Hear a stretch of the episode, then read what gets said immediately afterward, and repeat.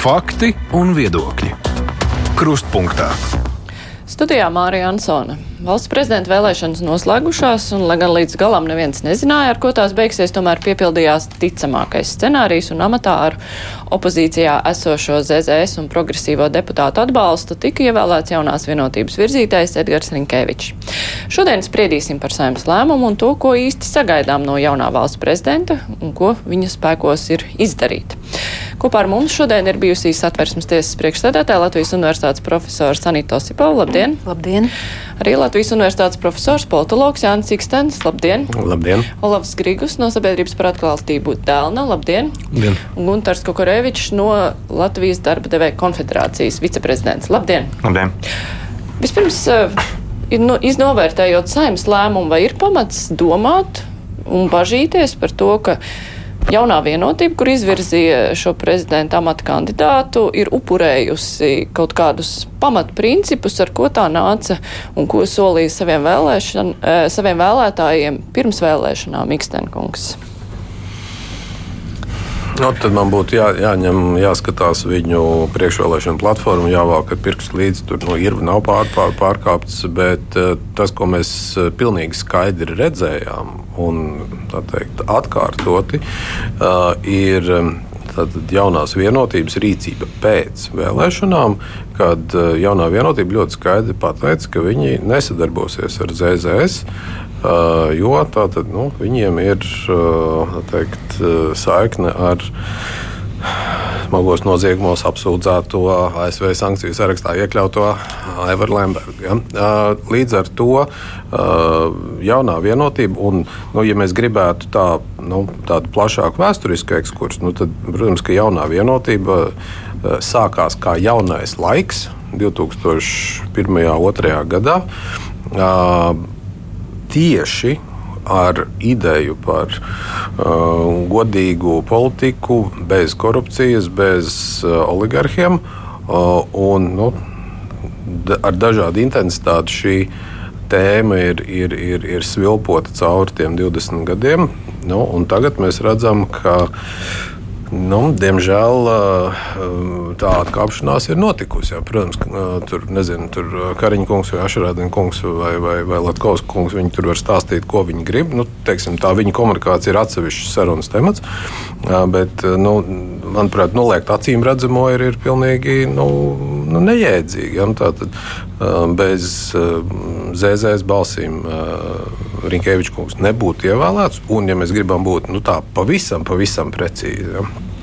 tad Rinkēvičs kungs tika ievēlēts ar 52 balsīm, no kurām divas pieder Latvijai un Vēnspilī pārstāvji, nu, kas jau nu, kā, nu, visciešākā veidā ir saistīti. Jā. Līdz ar to nu, jebkāda je stāstīšana, ka nu, mēs ar personāžiem nē, bet ar partijām jā, un vēl kaut ko.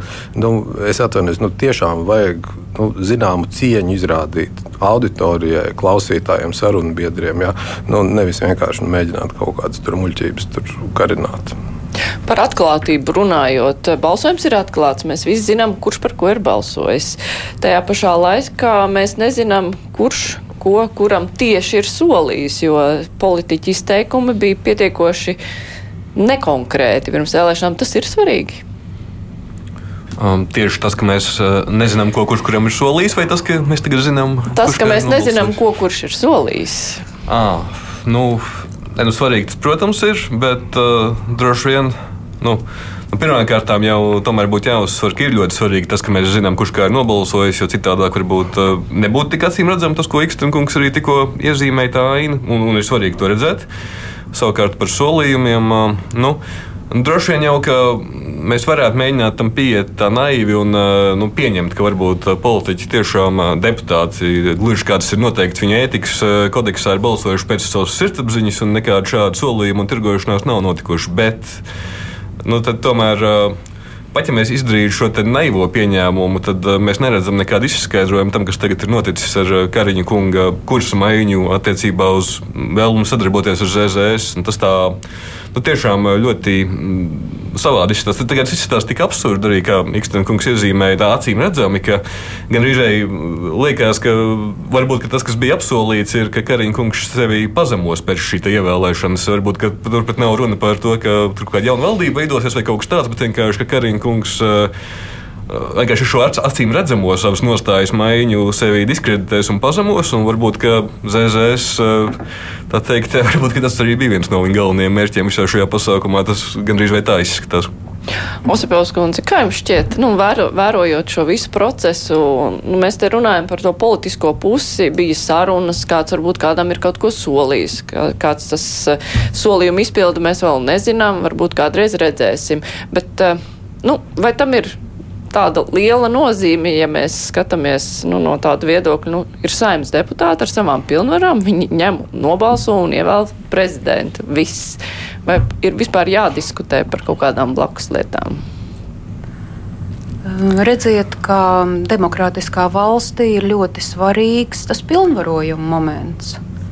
Un saima jau nedarbojās savā vārdā, saima darbojās vēlētāju vārdā un vēlētājs ir izvēlējies balsot par šo konkrēto partiju, tāpēc ka viņas programmā bija tās vērtības, tie principi iestrādāti, kuri vēlētājiem likās ļoti būtiski.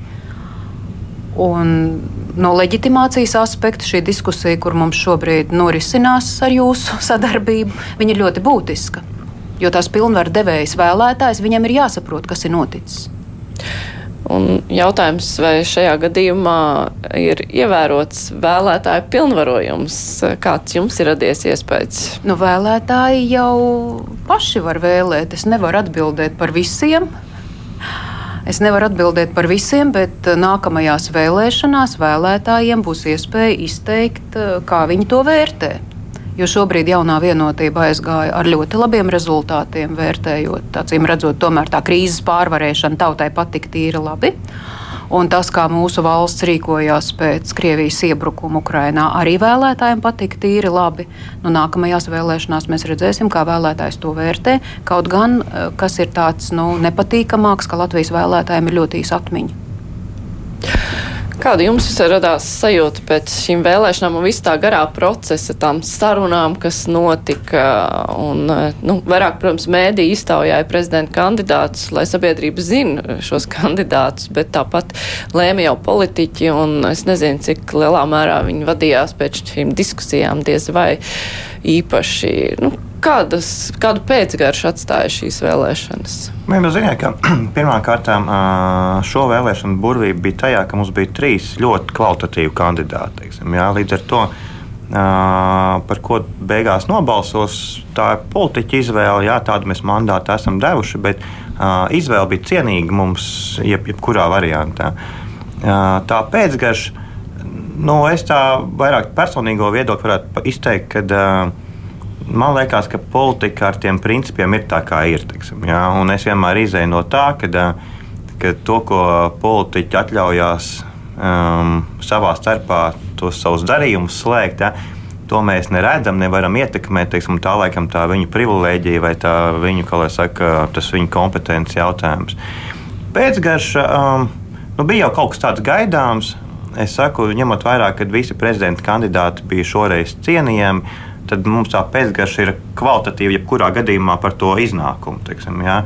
Par to procesu kopumā, manuprāt, viņš vienmēr ir bijis tāds diezgan trikī, teiksim, jā, tas zooloģiskais dārsts, vēl kaut kas tāds, ka šis neko neatšķīrās īstenībā. Nu jā, šajā gadījumā mēs nezinām, vai tas beigsies ar valdības krišanu vai nebeigsies. Uh, nu, protams, kā jau saka, valdībā turbulence tagad pastāv. Uh, un, uh, tas bija neizbēgami pie šī scenārija, un tas jau arī tajā priekš, priekš pirms vēlēšanām arī bija acīm redzams, teiksim, ka tā vienošanās koalīcija nav panākta un kaut kāds restorāns visam pasākumam būs.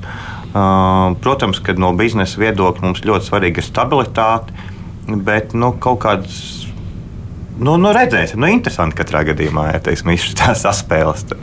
Jā, nu, šajās pirms šīm vēlēšanām arī mēdī ļoti daudz iztaujāja visus prezidenta kandidātus. Katrs nāca ar savu vīziju, un vismaz man bija tāds vērojums, ka sākumā tās vīzijas eh, tur eh, Pīlēna kungs uzreiz par ekonomiku runāja, Rinkēvičs kungs par ārpolitiku, Pinto kundze par sabiedrības vienošanu, un tad viņi tā kā apvienoja to visu katrs savā tajā priekšvēlēšana platformā. Bet, un cilvēki arī diskutēja un izteica viedokļus, nu kādam tad ir jābūt prezidentam, bet tur pazuda tas, nu, ko vispār var izdarīt savs pre, nu, mūsu valsts prezidents pēc uh, mūsu satversmes. Tas viss kaut kā iet roku rokā, tās gaidas no prezidenta un viņa pilnvaras uh, Ikstenkungas.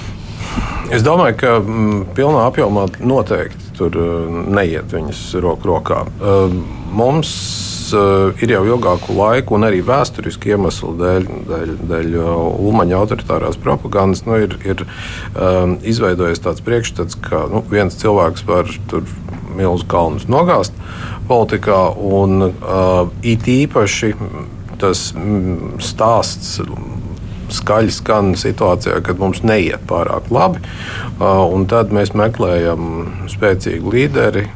Balto tēvu vienalga kaut kādu, lai kāds arī tas tēls nebūtu, ja, kurš mūs visus teikt, izvadīs uz pareizā ceļa, iecels saulītē un tā. Um, ņemot vērā to, cik, cik grūti mums kā sabiedrībai kopumā iet, tās gaidas, es domāju, ir, ir daļēji lielās gaidas daļai sakņojas šajos apsvērumos, bet es nu, kopumā piekrītu, ka valsts prezidents, valsts prezidents nav tik ietekmīgs tajā ikdienas politikā, kā varbūt ministru prezidents. Bet arī ar visu to, ka valsts prezidents savulaik ir iecerēts kā primāri reprezentatīva figūra viņa vai viņas rokās ir pietiekami daudz svīru, sākot ar teiksim, likumdošanas iniciatīvu, sākot ar likumu, likumu atdošanu otrreizējai caurlūkošanai saimā līdz pat uh, ministra kabineta sēžu sasaukšanai, ja, kuras ir iespējams izmantot. Es nemaz nerunāšu par, par nu, vis, varbūt vienu no visbiežāk izmantotajiem uh, instrumentiem, tas ir premjera uh, kandidāta nominēšana, un arī tas vēsturiski ir gājis kopā ar nu, zināmiem nosacījumiem. Ja, teiksim, Vējoņa kungs, kā valsts prezidents, ir diezgan skaidri runājis par to, ko viņš sagaida no premjeriem. Viņam bija apziņa, nebija kaut kādi pieci punkti.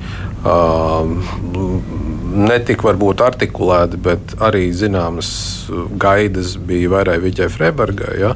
Un, un, un acīm redzot, arī citiem prezidentiem jātur teikt, dziļāk, dziļāk paraktos. Ja? Tāpēc Uh, nu, tās, nu, tā, tās, tās gaidas droši vien nav iespējams, sabiedrības gaidas nav iespējams izpildīt pilnā apjomā, bet uh, Uh, nu, Es domāju, ka ir ļoti labi, ja prezidents nu, vismaz iet tajā virzienā.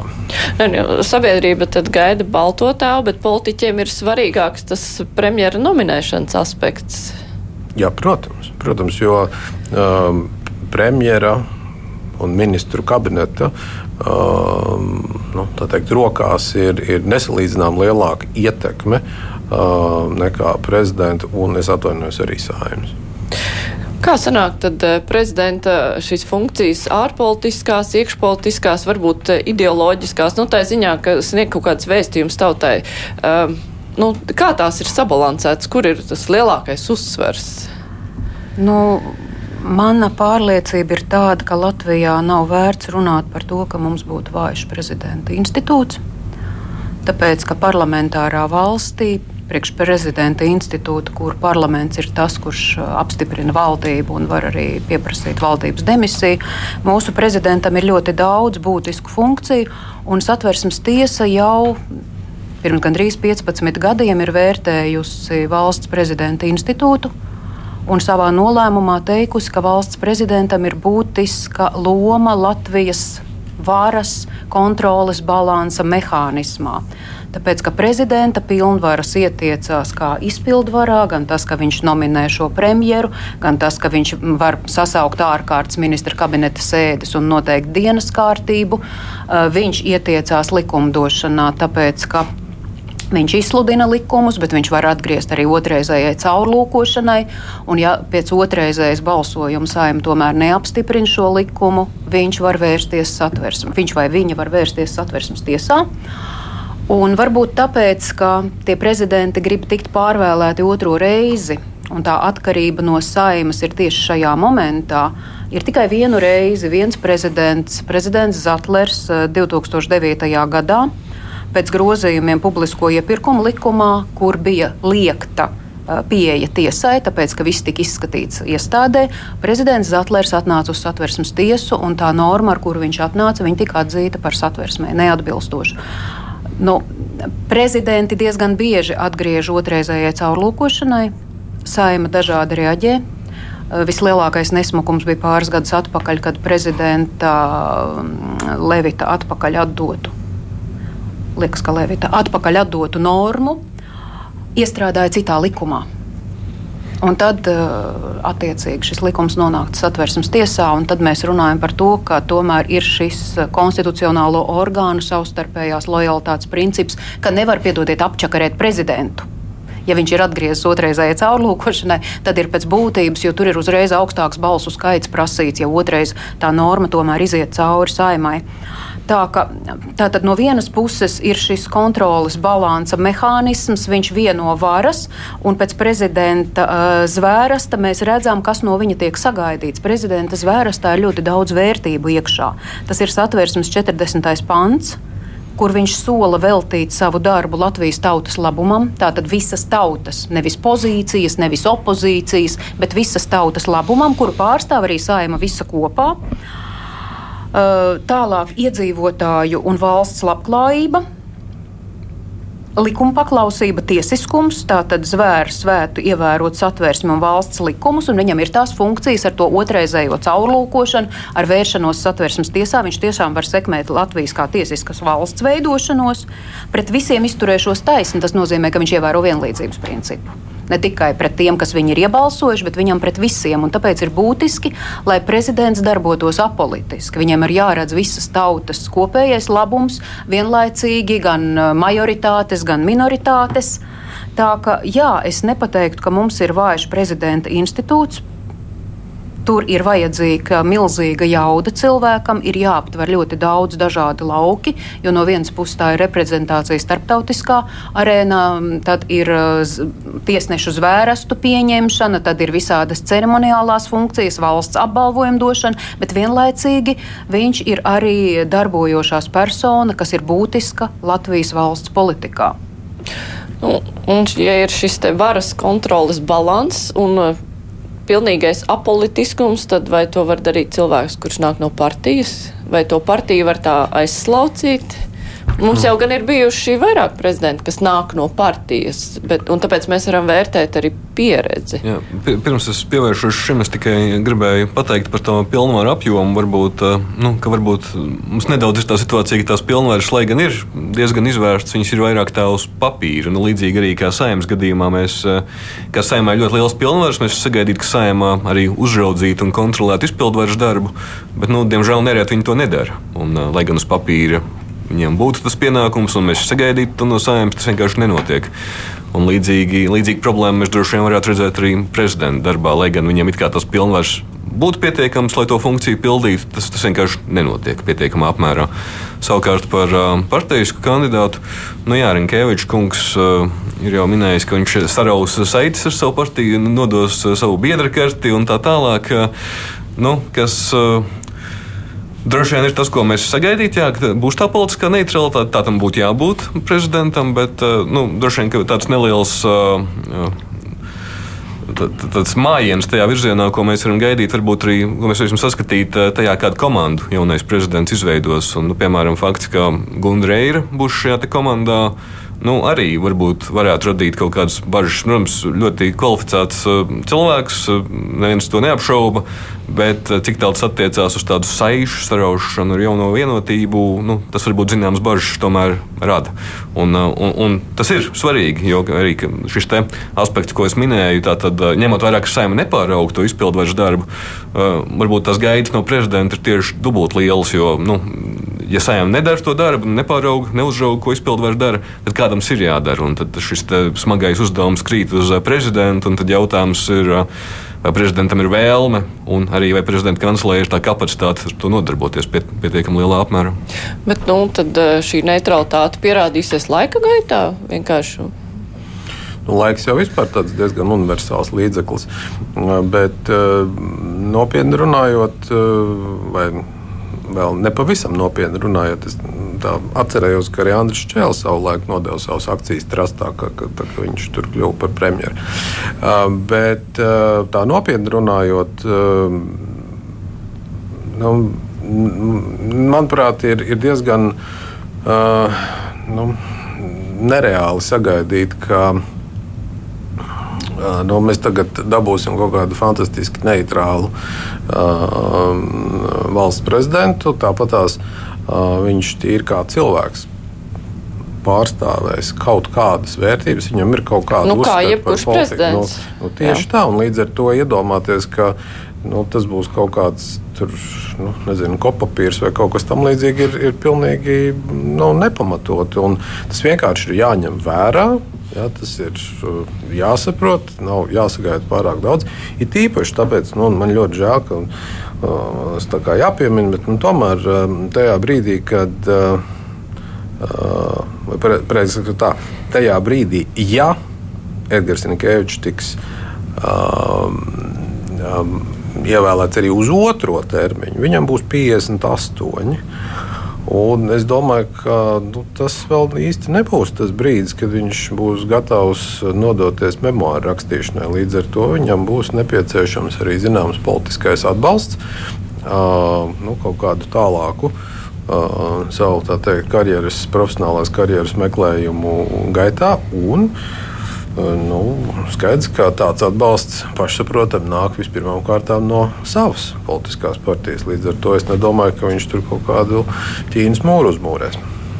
Jā, varbūt mazliet papildinot arī to, kas tika pateikts par, to, nu, par tām draudzībām, attiecībām un vērtībām, kas varbūt Rinkeviča kungam joprojām ir. Droši vien, ka varētu būt arī zināma atšķirība, vai cilvēks ir vienkārši viņam ir tā saistība ar partiju, bet viņš nav, kā, nu, varbūt viņš nav darbojies aktīvajā politikā kādu laiciņu, vai arī viņš burtiski tikko bija ministrs. Tā tomēr arī ir atšķirība. Viņš ir strādājis kopā ar tiem cilvēkiem. Arī mans iepriekš pieminētā tā uzraudzība, gan izpildvaras, gan arī saimnes. Ja, ja, ja mēs kaut ko tādu no prezidenta sagaidītu, tad nu, vai viņš tā teikt, šie te viņa tikko vēl esošie kolēģi, ar ko varbūt viņš ļoti daudz grūtām situācijām kopā ir izgājuši cauri, viņiem varētu būt tādas arī. Nu, diezgan tieši šeit, ko nevar tā vienkārši nu, atteikties uz uh, tā mirkli. Tajā pašā laikā nevar noliekt, ka tagad ir īpašs brīdis, ir uh, startautiski ļoti svarīgi būt līmenī. Un uh, Edgaram Rinkēvičam te nevajadzēs nekur iesildīties, atšķirībā varbūt no kādiem citiem kandidātiem. Nu, šāda aspekta var droši vien jāņem vērā, vai nē? Un ko tas nozīmē? Vai kas no tā izriet? Ja, bet, es domāju, ka prezidentam viss ir kārtībā. Manuprāt, nu, ievēlēts ir kvalitatīvs prezidents un atbilstošs šodienas mūsu vajadzībai. Man arī ļoti simpatizē Pilēnkungs, kā tautsēmnieks, no biznesa viedokļa raugoties. Bet, laikam, šodien nedaudz tā prioritāte drīzāk ir mūsu drošība un ārlietas. Teiksim, varbūt tāpēc arī Rinkvičs kungs ir ļoti piemērots. Bet es nedaudz gribēju par to arī pie tā prezidenta institūcijas ietekmes. Man liekas, ka tie instrumenti ir pietiekami daudz, lai politiku ietekmētu. Un es domāju, ka uh, prezidenta institūcijas spēks slēpjas personībā. Un, ja šis cilvēks ir uh, spēcīga personība un viņš ir gatavs šos instrumentus izmantot, es domāju, viņu ir pietiekami daudz, lai uh, varu ietekmētu. Un īpaši ņemot vērā to, ka uh, prezidentam kā nekuram ir dot tribīnu. Un, ja viņš ir izpelnījies kaut kādu tautas atbalstu, arī teiksim, vai nu, tādu netiešu mandātu ja, un, un, un respektu, tad es domāju, ka ļoti grūti ir gan saimai, gan ministru kabinetam principā iebilst pret prezidentu. Teiksim, jā, ja viņam ir viedoklis un viņš tiešām viena lieta, ka viņš ietekmē ar tiem satversmē dotajiem uh, instrumentiem, kas viņam ir, bet otrs viņš kā personība, jo viņam ir saka, mikrofons vienmēr būs pie viņa. Teiksim, ja? Tāpēc man liekas, ka tomēr es domāju, ka tiešām mums ir ļoti laba tā sistēma, un, un prezidentam ir pietiekami daudz instrumentu, lai viņš varētu ļoti būtisku lomu spēlēt. Gan gan tautsēmniecībā, gan ārpolitikā. Gan Bet tomēr jomās. par to tautsēmniecisko aspektu nu, kandidātu debatēs eh, tika likts īpaši no Pīlēna kunga liels uzsvers uz to, ka tagad prezidents nodarbosies ar tautsēmniecības celšanu. Bet vai tā tomēr nav tāda nu, mazliet eh, ne jau nu krāpšana, bet eh, nepareiza akcentu salikšana, jo tas ir tomēr valdības lauciņš. Ir valdības lauciņš, bet es saku, teiksim, to var ietekmēt arī prezidents. Un man, protams, kā biznesa cilvēkam un darba devēja konfederācijas pārstāvjiem, man, protams, tādā ziņā varbūt prioritārāk šķistu teiksim, pašreizajā brīdī tautsēmniecību, jo ņemot vērā, ka mēs tomēr skatāmies un sūdzamies par to, ka Igaunija Lietuva ir priekšā mums un mēs kaut kur cenšamies kaut ko panākt, nevis pat savu politiku definēt. Bet es domāju, ja prezidents ir pietiekami spēcīga personība, un es domāju, ka mūsu jaunais prezidents ir pietiekami spēcīga personība, pat ļoti. Es domāju, ja viņš novāks ļoti labu komandu, tad komandā atradīsies cilvēki, kas rūpēsies arī par biznesa un tautsveicības interesēm. Tas nav viss prezidentam jānoklātoties. Viņš reprezentēs valsti, gādās par mūsu drošību teiksim, un, un, un ār, ārlietām. Kad, jā, varbūt man tādā ziņā no biznesa viedokļa, protams, Pilēna kungu saruna būtu vienkāršāka. Bet tur ir komandas jautājums. Es domāju, ka prezidents jau nav viens pats teiksim, tajā visā lēmumu veidošanas pozīcijā. Bet, nu, cik liela iespēja ir prezidentam ietekmēt kaut kādus procesus ekonomikā. Un, nu, te, nu, tie ir nemazāka kā saimai. Tāpēc, kad ekonomiku jau arī ministru kabinets lielā mērā visus lielos lēmumus tiek apstiprināti ar likumu, jo tāpēc, ka viss, kas grozās un mainās sabiedrības dzīvē, kādai personai dod tiesības, kādai personai rada tiesību aizskārumu. Un visi lielie būtiskie lēmumi ir jāpieņem saimā. Un neviens saimā pieņemts lēmums netiek garām prezidenta institūtam. Ja prezidenta komandā ir cilvēki, kuri vērtē no pamattiesību perspektīvas, no biznesa vides perspektīvas, no labklājības perspektīvas, tad viņš var atgriezt saimai otrreizējai caurlūkošanai ne tikai tāpēc, ka tas ir tiesisks brāķis, bet tāpēc, ka, piemēram, tas uh, rada apdraud biznesa ilgtspēju Latvijā, jo mēs jau gribam redzēt Latviju kā ilgtspējīgu valsti. Tātad prezidents atkal tas ir atkarīgs no personības, kā kolēģis teica. Vai viņš uzņemās un skatās no šiem aspektiem tos grozījumus likumos un jaunos likumus, kas iet cauri viņa rokām, vai viņš vienkārši tehniski izsludina šos likumus. Nu, tas nozīmē, ka prezidenta komandai ir jābūt nu, tik uh, spējīgai, ka tā spēj izvērtēt nu, visus aspektus. Bet tur ir ļoti Jā. daudz cilvēku. Ja es pareizi atceros, pie 50 cilvēkiem strādā dažādos līmeņos, dažādos padomdevēja amatos un, un, un, un, un tehniskais personāls. Patiesībā ta, ta, tas ir milzīgs birojs kur ir arī savs biroja vadītājs. Tātad lielā mērā prezidents ir valsts seja, prezidents ir tas, caur kuru tas viss tiek legalizēts, leģitimēts. Tā pašā laikā apakšā ir smadzenes, un man patīk arī ļoti simpatizēja jau kā tie cilvēki, kur ir uzaicināti nākamā prezidenta grupā, viņi teica, ka viņi līdzīgi kā iepriekš veidos šīs komisijas, kā bija um, valsts tiesību komisija savā laikā un kāda cita. Tātad strādās arī ar ekspertiem, kas ir ļoti laba iniciatīva. Tas dod labus rezultātus. Es domāju, tieši tā es piekrītu, ka īstenībā tajā komandā pat nevajag tur analītiķu komandu vai vēl kaut ko. Tur vajag koordinātors, tur vajag tādus kā nu, vadītāji kurš spēj iesaistīt atbilstošās institūcijas tajā, tajā procesā. Ja mums ir kaut kāds biznesa jautājums, tad ir darba devēja konfederācija, tirzniecības rūpniecības kamera, kura nāk ar savu kapacitāti. Ir svarīgi ieklausīties, zināt, pie kā vērsties, teiksim, un, un, un, un saka, būt pietiekami drosmīgam, arī atzīt, ka kaut kur nav kompetenti, es viņu paņemšu no, no ārpuses. Teiksim, ja. Man liekas, ka tur nav jautājums skaitā cilvēku ir jautājums tiešām arī tās komandas tādā, nu, saka, spēkā, kompetencē, pārliecībā par sevi, ja, lai viņi attiecīgos cilvēkus, attiecīgos speciālistus iesaistītu. Teiksim, ja, Es domāju, ka komanda ir no atslēga, atslēga prezidenta darbā. Teiksim, kā viņi to visu tik aktīvi izvērtēs. Tieši tā, ka teikt, var jau formāli tam jautājumam pieiet, var tomēr iedziļināties un, un vēlēties kaut ko sasniegt. Un man, manuprāt, prezidentam ir ārkārtīgi liels iespējas to izdarīt. Un par Edgars Rinkeviča komandu mēs zinām maz. Mēs zinām, kas būs kanclēs vadītājs, mēs zinām uh, droši vien preses cilvēku.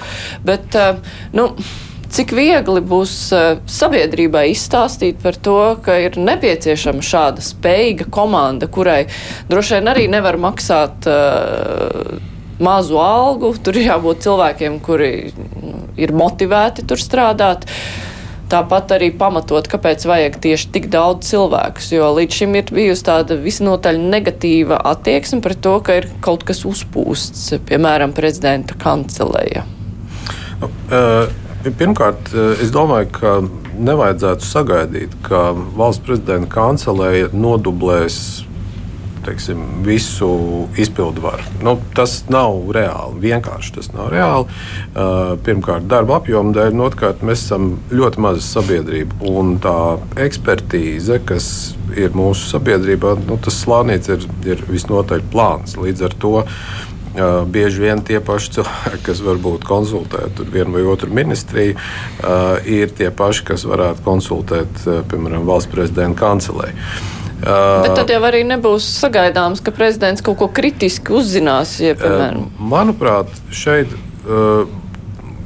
Nu, kā, kā, kā manuprāt, būtu, būtu varbūt, nu, mērķiecīgi rīkoties, patiešām izraudzīties uh, nelielu prioritāšu skaitu. Nu, es nezinu, tur 3, 5, nu, vienalga cik. Jā, bet tad šīs prioritātes arī padarīt par patiesām prioritātēm, tur arī koncentrēt resursus ar domu, ka nu, panākot kaut kādas izmaiņas šajos prioritārajos virzienos, arī tiek panākts kaut kādas plašākas izmaiņas. Ja?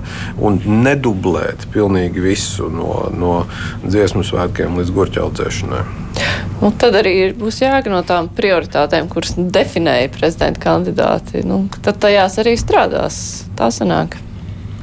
Nu, jā, droši vien, ka vēl viena lieta, domājot par to, ka nav iespējams nodublēt visu izpildvaras darbu un, un arī varbūt izsakot līdzi visam tam, kas, visiem likumiem, kas no saimnes iznāk ārā, varētu būt, ka būtu tā saprātīgi domāt par to, kā sekmēt mēdīju un pilsoniskās sabiedrības atbalstu arī no prezidenta puses. Jo nu, tomēr mēdī var būt palīgs arī prezidentam nofokusēt uzmanību kaut kādās situācijās, kad uh, varbūt kaut kas nenotiek gluži tā, kā tam vajadzētu notikt, eh, lai prezidenta komandai varbūt nav jāizķer visas tās situācijas, eh, bet arī lūk, pilsoniskā sabiedrība un mēdīja kaut kā arī palīdz to filtru veidot. Eh, droši vien nu, tas būtu kāds padomnieks sadarbībā ar mēdījiem un pilsoniskās sabiedrības darba veicināšanā, tad tas arī droši vien varētu būt virziens, kurā domāt. Jā, es atgādināšu par mūsu diskusijas dalībniekiem. Šodien kopā ar mums ir bijusi satversmes tiesas priekšsēdētāja Latvijas Universitātes profesora Sanita Osipova, arī Latvijas Universitātes profesors politologs Jānis Ikstens. Sabiedrības par atklātību dēlnu pētnieks Olavs Grigus un Latvijas darbdevēja konfederācijas viceprezidents Guntars Kukarevičs. Mēs tūlīt turpināsim. Raidījums Krustpunktā par eh, prezidenta uzdevumiem, eh, ne ārpolitiskajiem vai iekšpolitiskiem, bet, eh, nu, ja tā var teikt, ideoloģiskiem, es nejauši uzdūros uz komentāru žurnālā ir. Jau tas bija laikā, kad notika iepriekšējās prezidenta vēlēšanas. Uh, Un, uh, tur tika minēts tā, ka tad varēsim runāt uh, par jaunā prezidenta uzdevumiem, no kuriem svarīgākais šķiet būtu palīdzēt pabeigt Latvijā ielgušo pēcpadomju posmu, kura hroniska pazīme ir dubulta domāšana un nesodāmi meli, kā politikas īstenošanas galvenais rīks. Šī te, nu, tā morālā funkcija, vēstījumi tautai, ko var sniegt prezidents, cik tā ir būtiska, vai arī, nu, varbūt bez tā var iztikt? Bez tā nevar iztikt, tāpēc, ka kaut kādu laiku prezidents ir valsts seja gan iekšpolitiski, gan ārpolitiski. Un mēs redzējām, cik labi mēs vienojāmies pēc hokeja uzvaras. Mēs gribam lepoties ar sevi, mēs gribam lepoties ar tiem, kas kaut kādā brīdī pārstāv mūsu valsti. Eirovīzijā, izgāžamies jau kuro gadu, bet ja mēs uzvarētu, tad arī tās būtu nemazākas ovācijas, kā tas bija hokeistiem. Savā laikā Naumau saņēma šādas ovācijas. Un Tai brīdī, kad kaut kur starptautiski prezidents izgāžās, vai ir sliktāka svešvaloda, vai, vai neveiklāks izteiciens, nu, kad tas parādās citu valstu ziņās, mums visiem ir kauns patiesībā. Mūsu valsts ir izgāzusies, nevis tikai šis viens cilvēks. Tātad prezidents tā ir kā amats, tā ir jauda. Tā ir iespēja, tā ir iespēja vienot nāciju, tā ir iespēja likt uzsvaru uz kaut kādām vērtībām, Lieliski to parādīja prezidenta Vaira Vīķa Freiberga. Mēs esam vienoti, mēs esam lepni, mēs esam stipri. Un tā tauta seko, un tautai ceļās pašapziņa. Ar to padomu laiku dubulto morāli, nu, viņa kaut kur mūsos dzīvo. Bet uh, kā tur bija pa to baļķa acī, un kurš neredz baļķi savā acī vai, vai uti savā kažokā, tad tam ir div, divas utis kažokā. Ir ļoti grūti atzīties. Mēs negribam joprojām analizēt padomu laiku. Kad par šo laiku runā, tad uh, mēs izvairamies nerunāt. Uh, es esmu strādājusi pie notāru biogrāfijām ir tā, ka juristiem dažādas profesijas veido savas grāmatas, tātad šo biogrāfiju katalogus. Un divi vēsturnieki bija pieaicināti Jēkabsons un Šķerbīnskis, un viņi ļoti labi tika galā ar impērijas laiku, un viņi ļoti labi tika galā ar Latvijas starpkaru posmu, šīs biogrāfijas stādot, un tad viņi nonāca līdz mūsdienām. Un tad sākās dievzīmes cilvēki sāka revidēt savas biogrāfijas, neuzrādīt to, ka viņi bijuši komjaunatnē, neuzrādīt tos apbalvojumus, ko par labu darbu viņi ir saņēmuši padomu laikā, un tā tālāk. Un tā tālāk. Nu, mēs noliedzam, bet tajā pašā laikā, ja mēs kaut ko noliedzam, tas nenozīmē, ka tā trauma un ka tās sekas mūsos nedzīvo. Es savā laikā dabūju milzīgu sabiedrības uzbrukumu par to, ka es teicu, ka mūs gatavoja par kaujas suņiem, par, ne, par neiecietību, kas mūsos tika audzināta padomu laikā pret šķiras ienaidniekiem, pret imperialistiem un tā tālāk. Un tā tālāk. Mūsos paudzēm tika kultivēts naids pret savādākajiem. Ja? Nu, Mums tas viss ir jānovērtē, mums tas viss ir jāpārvērtē, vai prezidents ar savu piemēru to var darīt, vai prezidents var aktualizēt šīs tēmas, līdzīgi kā prezidents Levits šos etnogrāfiskos novadus aktualizēja. Uh, Prezidents Levits jau ienāca savā prezidentūras pirmajā paziņojumā ar fantastisku runu, kas man ļoti dziļi aizskāra, un tā runa bija par vienvērtību ka visi Latvijā dzīvojošie cilvēki, ka visa Latvijas nācija, ik viens cilvēks ir vienvērtīgs. Taču tad nāca pandēmija, tad nāca karš, un šī ideja par vienvērtību kaut kur nu, no tā oficiālās dienas kārtības pazuda. Bet eh, šie morālie jautājumi, arī kas, nu, ko gaidīja no Egila Levita, nu, tie ir palikuši spēkā. Tie prezidentam būtu jārisina. Nu, eh, es domāju, ka šeit ir nu, tā joma, kas ir vēl vairāk nekā citas no sērijas izkrāso pats. Šeit paša prezidenta uh, uzskatiem ir, ir ļoti liela nozīme. Ja mēs gribētu tādu nu, tādu kaut kādu vienotāku skatījumu uz šo tādu koordinētāku komunikāciju, tad droši vien uh, būtu brīnišķīgi, ja tiksim, valsts prezidents eh, nu, kaut kā vai nu pats aktīvi piedalītos, vai vismaz eh, ļautos eh, teikt, nu, piemēram, valdības izstrādātajai strateģiskajai komunikācijai, respektīvi runāt par to, kas ir valsts, kas šī teiksim, Latvijas valsts, jā, kas tā ir, uz ko tā virzās, kādas ir tās nozīmīgākās vērtības un tā tālāk. Jā, nu, valsts kanclēja mēģina darboties šajā virzienā. Nezinu, cik Rinkēviča kungam tā šķiet nozīmīga sarunu kaut kāda tēma, bet skaidrs, ka viņš nebūs tāds kā Egils Levits, jā, tāpēc ka viņu politiskie, droši vien arī cilvēciskie uzskatu vērtības ir, ir tomēr būtiski atšķirīgi. Kā Egils Levits tika galā ar šiem morālajiem vēstījumiem Latvijai? Vai, nu, tas nebija kaut kāds viņa klupšanas akmens, varbūt ņemot vērā, ka laiks bija nu, tik sarežģīts, ka to nevarēja prognozēt nu, nekādīgi. Droši vien ir kaut kādas tādas mazliet uh, kuriozākas epizodes, kā piemēram tas uh, bēdīgi slavenais citāts par Ziemassvētkiem un, uh, un tā tālāk. Bet uh, ar kaut kādiem vēstījumiem es domāju, ka prezidents Levits arī labi tika galā, bet tur atkal tā problēma bija, ka tas varbūt palika tādā vēstījuma līmenī. Nu, piemēram, atceramies, uh, un tas mazliet sasaucās ar to iepriekš pacelto tēmu par uh, uzraudzību saimnes un uh, izpildvaras. 19. gadā, kad bija lielie mediķu protesti, arī prezidents Levits teica, nu, nav pieļaujama situācija, kad izpildvara neievēro likumu. Bet nu, nekāda īsta rīcība jau nesakoja no Levita kunga. Tad, principā, tas palika tādā, nu, jā, tas vēstījums it kā bija, bet uh, nu, tas, kā tas izskatījās, varbūt sabiedrībai bija, ka jā, politiķiem, politiķiem, politiķiem ir šie nesodāmie meli. Tā tad, jā, viņi melo, ka kaut kas būs. Viņi pat likumā ieraksta, ka kaut kas būs, bet nekas nenotiek. Un prezidents it kā pasaka, ka nu, pakrāt ar pirkstu, ka tā īsti nav labi, bet nekas no tā īsti tālāk neseko. Un tagad nesen salīdzinoši arī Izglītības zinātnes darbinieku arotbiedrībai arī bija protesti, arī tika pacelt šī tēma. Man šķiet, ka Levita kungs bija pat vēl nemanāmāks. 19. gadā. Nu, kas žēl, protams. Kādi jūsu vērojumi ir? Un vai prezidentam ir jābūt kaut kādam morālajam kompasam sabiedrībai, nu, kas sniedz nu, tajā brīdī, kad nekas nav skaidrs, kaut kādu skaidrību, nu, kā uztvert lietas kaut vai? Nē, nu, protams, es domāju, ka prezidenta morāls principi ir ļoti svarīgi. Teiksim, kā jau iepriekš teicu, kad pirmkārt viņam ir tā tribīna un tas mikrofons. Teiksim, jā, un, jebkurā tādā krīzes situācijā vai, vai situācijā, kad sabiedrība gaida kaut kādu viedokli, pozīciju vai virzienu, kurā virzīties, viņi, protams, uz prezidentu skatās. Jā, un, un šis prezidents. Tāpēc es domāju, ir ļoti grūti būt par prezidentu. Teiksim. Tas nav nekāda medus maize, un es tur nevienu neapskaužu. Teiksim, jā, jo viss vis tevi vēro un viss pēc tevis kaut ko mēra sabiedrībā. Es domāju, jā, nu, šis ir grūts darbs un grūts izaicinājums jebkuram kandidātam vai, vai ievēlētajam prezidentam, kā viņš rīkosies.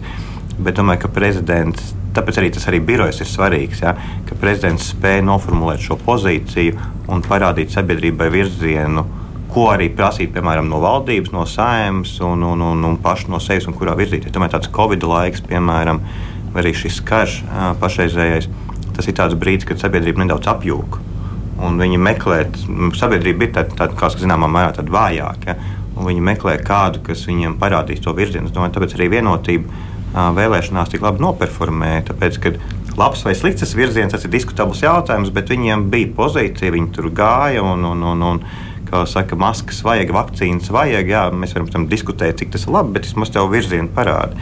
Un tāpēc es domāju, ka prezidenta institūcija tas tiešām no tāda morāls un ētikas viedokļa ir ļoti, ļoti svarīga un arī tiešām viedokļa līderis. Teiksim, tas. Tagad eh, nu, runājot par eh, valdību. Kā, kā jums tagad izskatās, eh, kā varētu attīstīties šis process? Nu, Kariņš jau uzreiz pēc prezidenta vēlēšanām pateica, nu, mēs sākam sarunas ar koalīciju par paplašināšanu. Es jau sen esmu teicis, ka ir nepieciešams vairāk balsu. Vai tur ir iespējams kādu paņemt kopā, paņemt vairāk kādas e, partijas valdībā, vai tomēr tur neglābjami iet uz to, ka šī valdība tomēr izjuks un tā būs maksa par šīm prezidenta vēlēšanām? Nu, vismaz līdz šim gan apvienotais saraksts, gan Nacionāla apvienība ir ļoti stingri pauduši, ka nekāda koalīcijas paplašināšana nav iespējama, respektīvi viņi nav gatavi tādā piedalīties, kas man šķita arī pietiekami zīmīgi.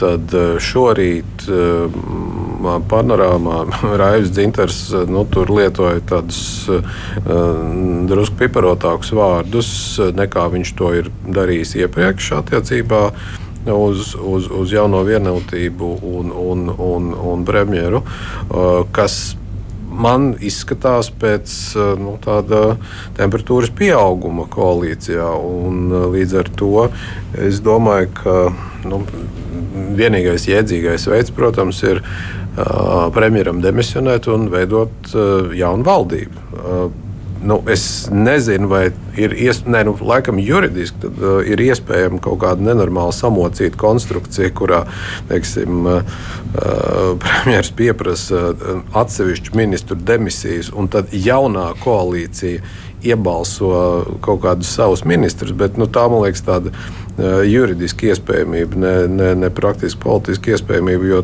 nu, tas vienkārši parādīja to, ka nu, jaunā vienotība nu, ir pilnīgi neiedzīgs kaut kāds spēks. Bet no jaunās vienotības viedokļa skatoties, tā valdības brukšana ir izdevīgāka vēl Levita laikā vai sagaidot Rinkēviča pilnvaru laiku? Nu, paši politiķi šādi un tad atsaucās uz Viļņas samitu, nu, ka tur līdz Viļņas samitam it kā neko nevajadzētu darīt. Tīpaši tāpēc, ka tad būtu amerikāņiem vēl tur nedod Dievs jātaisnojas, kādas ziepes te ir sataisītas un, un, un, un tur kāpēc ar Lemberga atbalstu te kaut kas ir noticis. Es nezinu, cik tas ir uh, nozīmīgs apsvērums. Uh, es arī nezinu, cik ļoti Levitkungs jūtas apvainots uz, uz, uz jauno vienotību par to, ka sanāca kā sanāca. Līdz ar to nu, varbūt savā ziņā drošāk to būtu darīt jau pēc 8. jūlija, bet uh, nu, tās tās jau ir teikt, politiķu teikt, zināšanas, ko, ko viņi tur saredz, kādi ir tie, kādi ir tie nu, patiesie akmeņi, uz kuriem var uzdurties. Bet cik nu, ticami var būt tas, nu, tā versija, kas ir izplatīta, ka nu, Kariņš pats nemaz nebūtu pret valdības saburcināšanai, nu, lai citi ņemās ar to? Nu, tas ir stāsts par to, ka viņš jūtas jau saguris, nu, kā, nu, kas arī objektīvi ir ļoti saprotams. Nu, viņš ir piekto gadu jau uh, valdības vadītāja amatā, kas pats par sevi ir ilgs laiks. Uh, Otrakārt, nu, viņam patiešām uh, ir iekritis uh, sarežģīts brīdis vēsturiski, gan, gan, gan Covid, gan, gan uh, kara intensifikācija Ukrainā. Uh, Nu, jā, un turklāt nu, tas acīm redzami nav viņa formāts. Nu, viņa formāts ir piemēram tur, nezinu, tur kaut kādas eh, skaistas runas teikt Eiropas parlamentā un, un, un tur, teikt, eh, jūsmot par Merkeli un vēl kaut ko tādu. Bet, eh, nu, Tāpēc nebūtu dīvaini, ka viņš būtu gatavs arī šo izmantot. Arī tas, kas tika nopludināts, tas stāsta par to, ka viņš varētu kļūt par ārlietu ministru un, un Ašarādens varētu kļūt par jauno premjeru. Arī izklausījās ticam tieši šī iemesla dēļ. Nu, un, uh... Labi, par progresīviem tur ir skaidrs, ka vienotība visu laiku ir teikusi, ka viņi mierīgi var strādāt kopā. ZZS, nē, tā bija sarkanā līnija vienai, otrai un trešai koalīcijas partijai. Ja ZZS šīs saimnes laikā nokļūst valdībā, tā ir kaut kāda nodevība nu, kā to uztvert vēlētājiem. Jo taču visi teica, nē, nu, izņemot dzēzēs vēlētājus, protams. Nē, nu, droši vien. Nu, es nevaru teikt, runāt eh, visu vēlētāju vārdā. Protams, es domāju, ka ir pietiekoši daudz cilvēku, kuriem tas izskatītos eh, stipri dīvaini. Nu, gal galā, ņemot vērā to, ka pat eh, tā nezinu, tīri tā, nekāda simboliska žesta no ZZS puses. Nu, vismaz es pagaidām neesmu informēts, ka būtu notikuši par kaut kādu distancēšanos no Lemberga kunga. Nu, tad, tad par, par ko mēs vispār runājam? Tas ir diezgan absurdi izskatās. Nu, un, nu, savukārt par koalīcijas palielināšanos par progresīvajiem, nu, nu, tur atkal šķiet, ka Īstenkungs jau arī iezīmēja, ka nu, tur vienotības šobrīd ja partneri tur varbūt nav īpaši, joprojām nav entuziastiski par šādu iespēju. Un, nu, viņi un, negribēja arī pēc vēlēšanām. Nu, nu, tieši tā, un, mm. un, un savukārt tas man likās mazliet smieklīgi tajā pēc prezidenta vēlēšanu kontekstā, kad kāds kaut ko pārmet vienotībā un progresīvajiem, ka kā, kaut kā par būšanu valdībā ir pārdotas tās progresīvo balsis. Man likās mazliet absurdi, jo gal galā vienotība jau gribēja progresīvos valdībā. Ko tad vēl, ko, ko tad vēl tur tā teikt, pirkt un pārdot. Tur jau viss bija liela draudzība. Bija arī pirms, nu, protams, var jau būt kaut kāda cita vienošanās, ir to nevar zināt. Bet, bet nu, tieši par to būšanu valdībā, ka tur kaut kāda tāda tirgošanās būtu bijusi ar progresīviem, tas tā mazliet smieklīgi izsties. Bet, nu, labi, tā valdības iespējamā paplašināšana. Nu, nu, kā jums izskatās, vai tās robežas, kas tika iecirstas uzreiz pēc vēlēšanām, tām ir jāpaliek nemainīgām, vai tomēr ir politiķiem jāspēj būt elastīgiem? Nu, es viennozīmīgi domāju, ka politiķiem ir jābūt elastīgiem.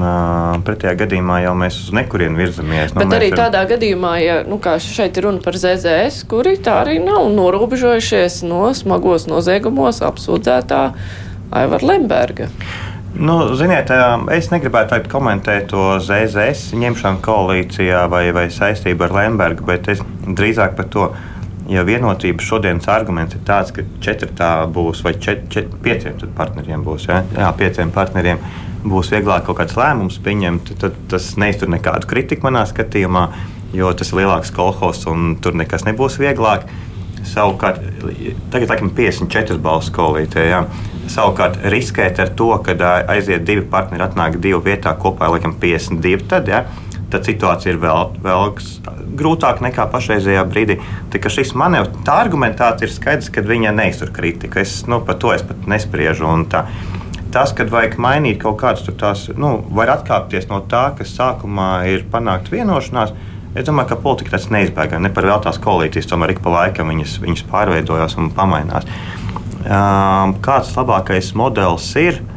Nu, manuprāt, progresīvie principā vienotībai ļoti simpātisks spēks. Teiksim. Es domāju, ka viņi ar viņiem paplašinātu savu ietekmi valdībā, teiksim, tāpēc viņi arī par to cīnās. Un, manuprāt, es saku vienmēr par to, ka jo dažādāki viedokļi, jo izsvērtāku lēmumu var pieņemt. Jā? Mēs, piemēram, darba devēja konfederācijā tur ir uh, vairāk padomus locekļi, viņiem katram savs viedoklis un beigās ir ļoti kvalitatīvs viedoklis. Lai gan katrs varbūt no šī viedokļa ir beigās dabūjis kaut kāds 5% tikai tajā kopējā pozīcijā, bet viņš ir kvalitatīvs izsvērts. Tāpēc man liekas, no tāda viedokļa raugoties, koalīcijas paplašināšana uh, nebūtu nekas negatīvs.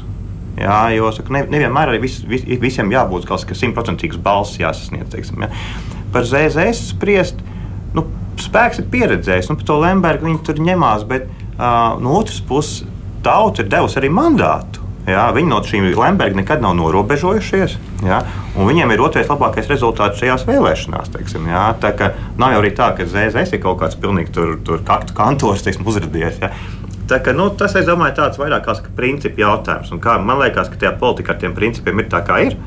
Līdz ar to es domāju, ka viņi izšķirsies par to, un tas jau aizmirsīsies drīz Latvijas vēlētājiem, kā, un, un gan jau kaut kāda jauna koalīcija saliksies. Bet tas, ka būs jauna, es domāju, tas ir. Uh, ļoti realistiski. Nu, nu, tas varētu būt Edgars Rinkevičam pirmais pārbaudījums, kur viņam būs iespējas eh, pateikt jā vai nē, piemēram, premjeram, eh, premjerkandidātam, kurš ņem ZZS koalīcijā, lai gan viņi sadarbojās, vai arī, nu, vienalga tur tās variācijas. Tas, tā ir vieta, kur prezidents var parādīt savus principus.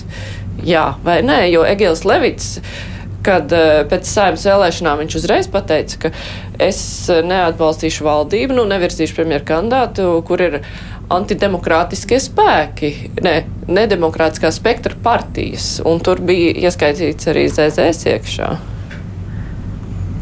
Tad jautājums Osipovs kundzei, kā jums šķiet, es ka tas redzu, varētu būt jautājumu, viņa... grib kāds cits kolēģis ah, atbildēt. Labi. Nē, es gribēju mazliet par uh, iepriekš uh, vienu lietu vēl papildināt, uh, varbūt par to izcelšanās stāstu. Apvienotiem sarakstam arī Ikstēna kungs atgādināja mums par vienotības izcelšanās stāstu, bet apvienotā saraksta izcelšanās stāsts viena no veidojošajām partijām gal galā salīdzinoši nesen vēl bija ZZS sastāvā. Un, un, un, un tur kā reiz tas viens no iemesliem minētajiem, kāpēc viņi vairs nav ZZS sastāvā, arī bija šī sadarbība ar Lembergu un it kā vēlme no tā norobežoties. Nu, tāpēc, nu, jā, būtu. Nu, viņi tā kā nevarētu tam piekrist, jā, bet jautājums, vai prezidents tam piekritīs?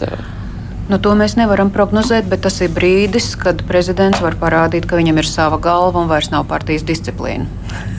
Jā. Tas ir tas, ka viņš stāv ārpus šīm partijām un viņš vērtē no valsts intereses, no valsts interesu viedokļa un no savu vērtību viedokļa. Es domāju, ka vienotības pozīcija tagad ir sarežģītāka nekā bija pirms tam, jo uh, ja, ja jaunais prezidents gribēs parādīt tiešām, ka viņš ir neatkarīgs prezidents, tad viņam vienotība būs jāatliek kaut kādā tālākā plauktiņā. Teiksim. No tā, es tā droši vien loģiski rīkotos, es tā pēc sevis spriežu. Teiksim, Lai nemaz tā aizdomāju. Katrā ziņā nu, diezgan interesants laiks priekšā. Sanito Sipo bija kopā ar mums Guntars Kukurevičs, Jānis Ikstens un Olafs Krigus. Paldies par piedalīšanos. Raidījums izskan. Producenti ir Evi Junāma, studijā bija Mārija Ansone. Visu labu!